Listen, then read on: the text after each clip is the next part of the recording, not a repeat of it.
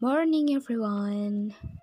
Emang kebetulan aja lagi pagi sih recordingnya Biar lebih semangat gitu. Tapi dengan suara yang seadanya agak serak gitu. Soalnya malamnya abis teriak boy gitu. Kemarin kebahagiaannya di Abu Aye.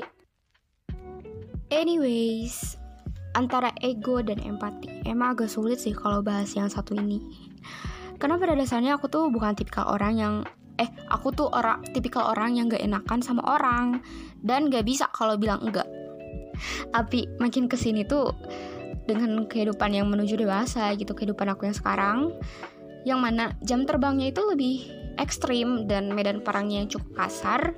Jadi menuntut aku buat ngerubah cara pandang hal itu. Jadi tuh sekarang aku mikirnya kayak kalau aku diakui ya syukur gitu alhamdulillah. Berarti aku benefit dong usaha aku nggak sia-sia.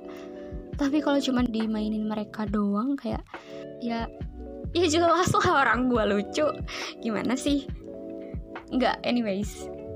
Jadi poinnya adalah saran aku yang aku ambil dari pengalaman aku selama hidup dan sekarang menjadi 19 anjay mantap gabor aku bisa hidup sampai 19 ya Allah. Kayak makasih banget. Enggak sih anyways. Kayak ya udah kamu harus berani speak up buat hal kecil dalam hidup kamu gitu. Soalnya orang-orang gak akan tahu kalau kamu nggak speak up bener gak sih?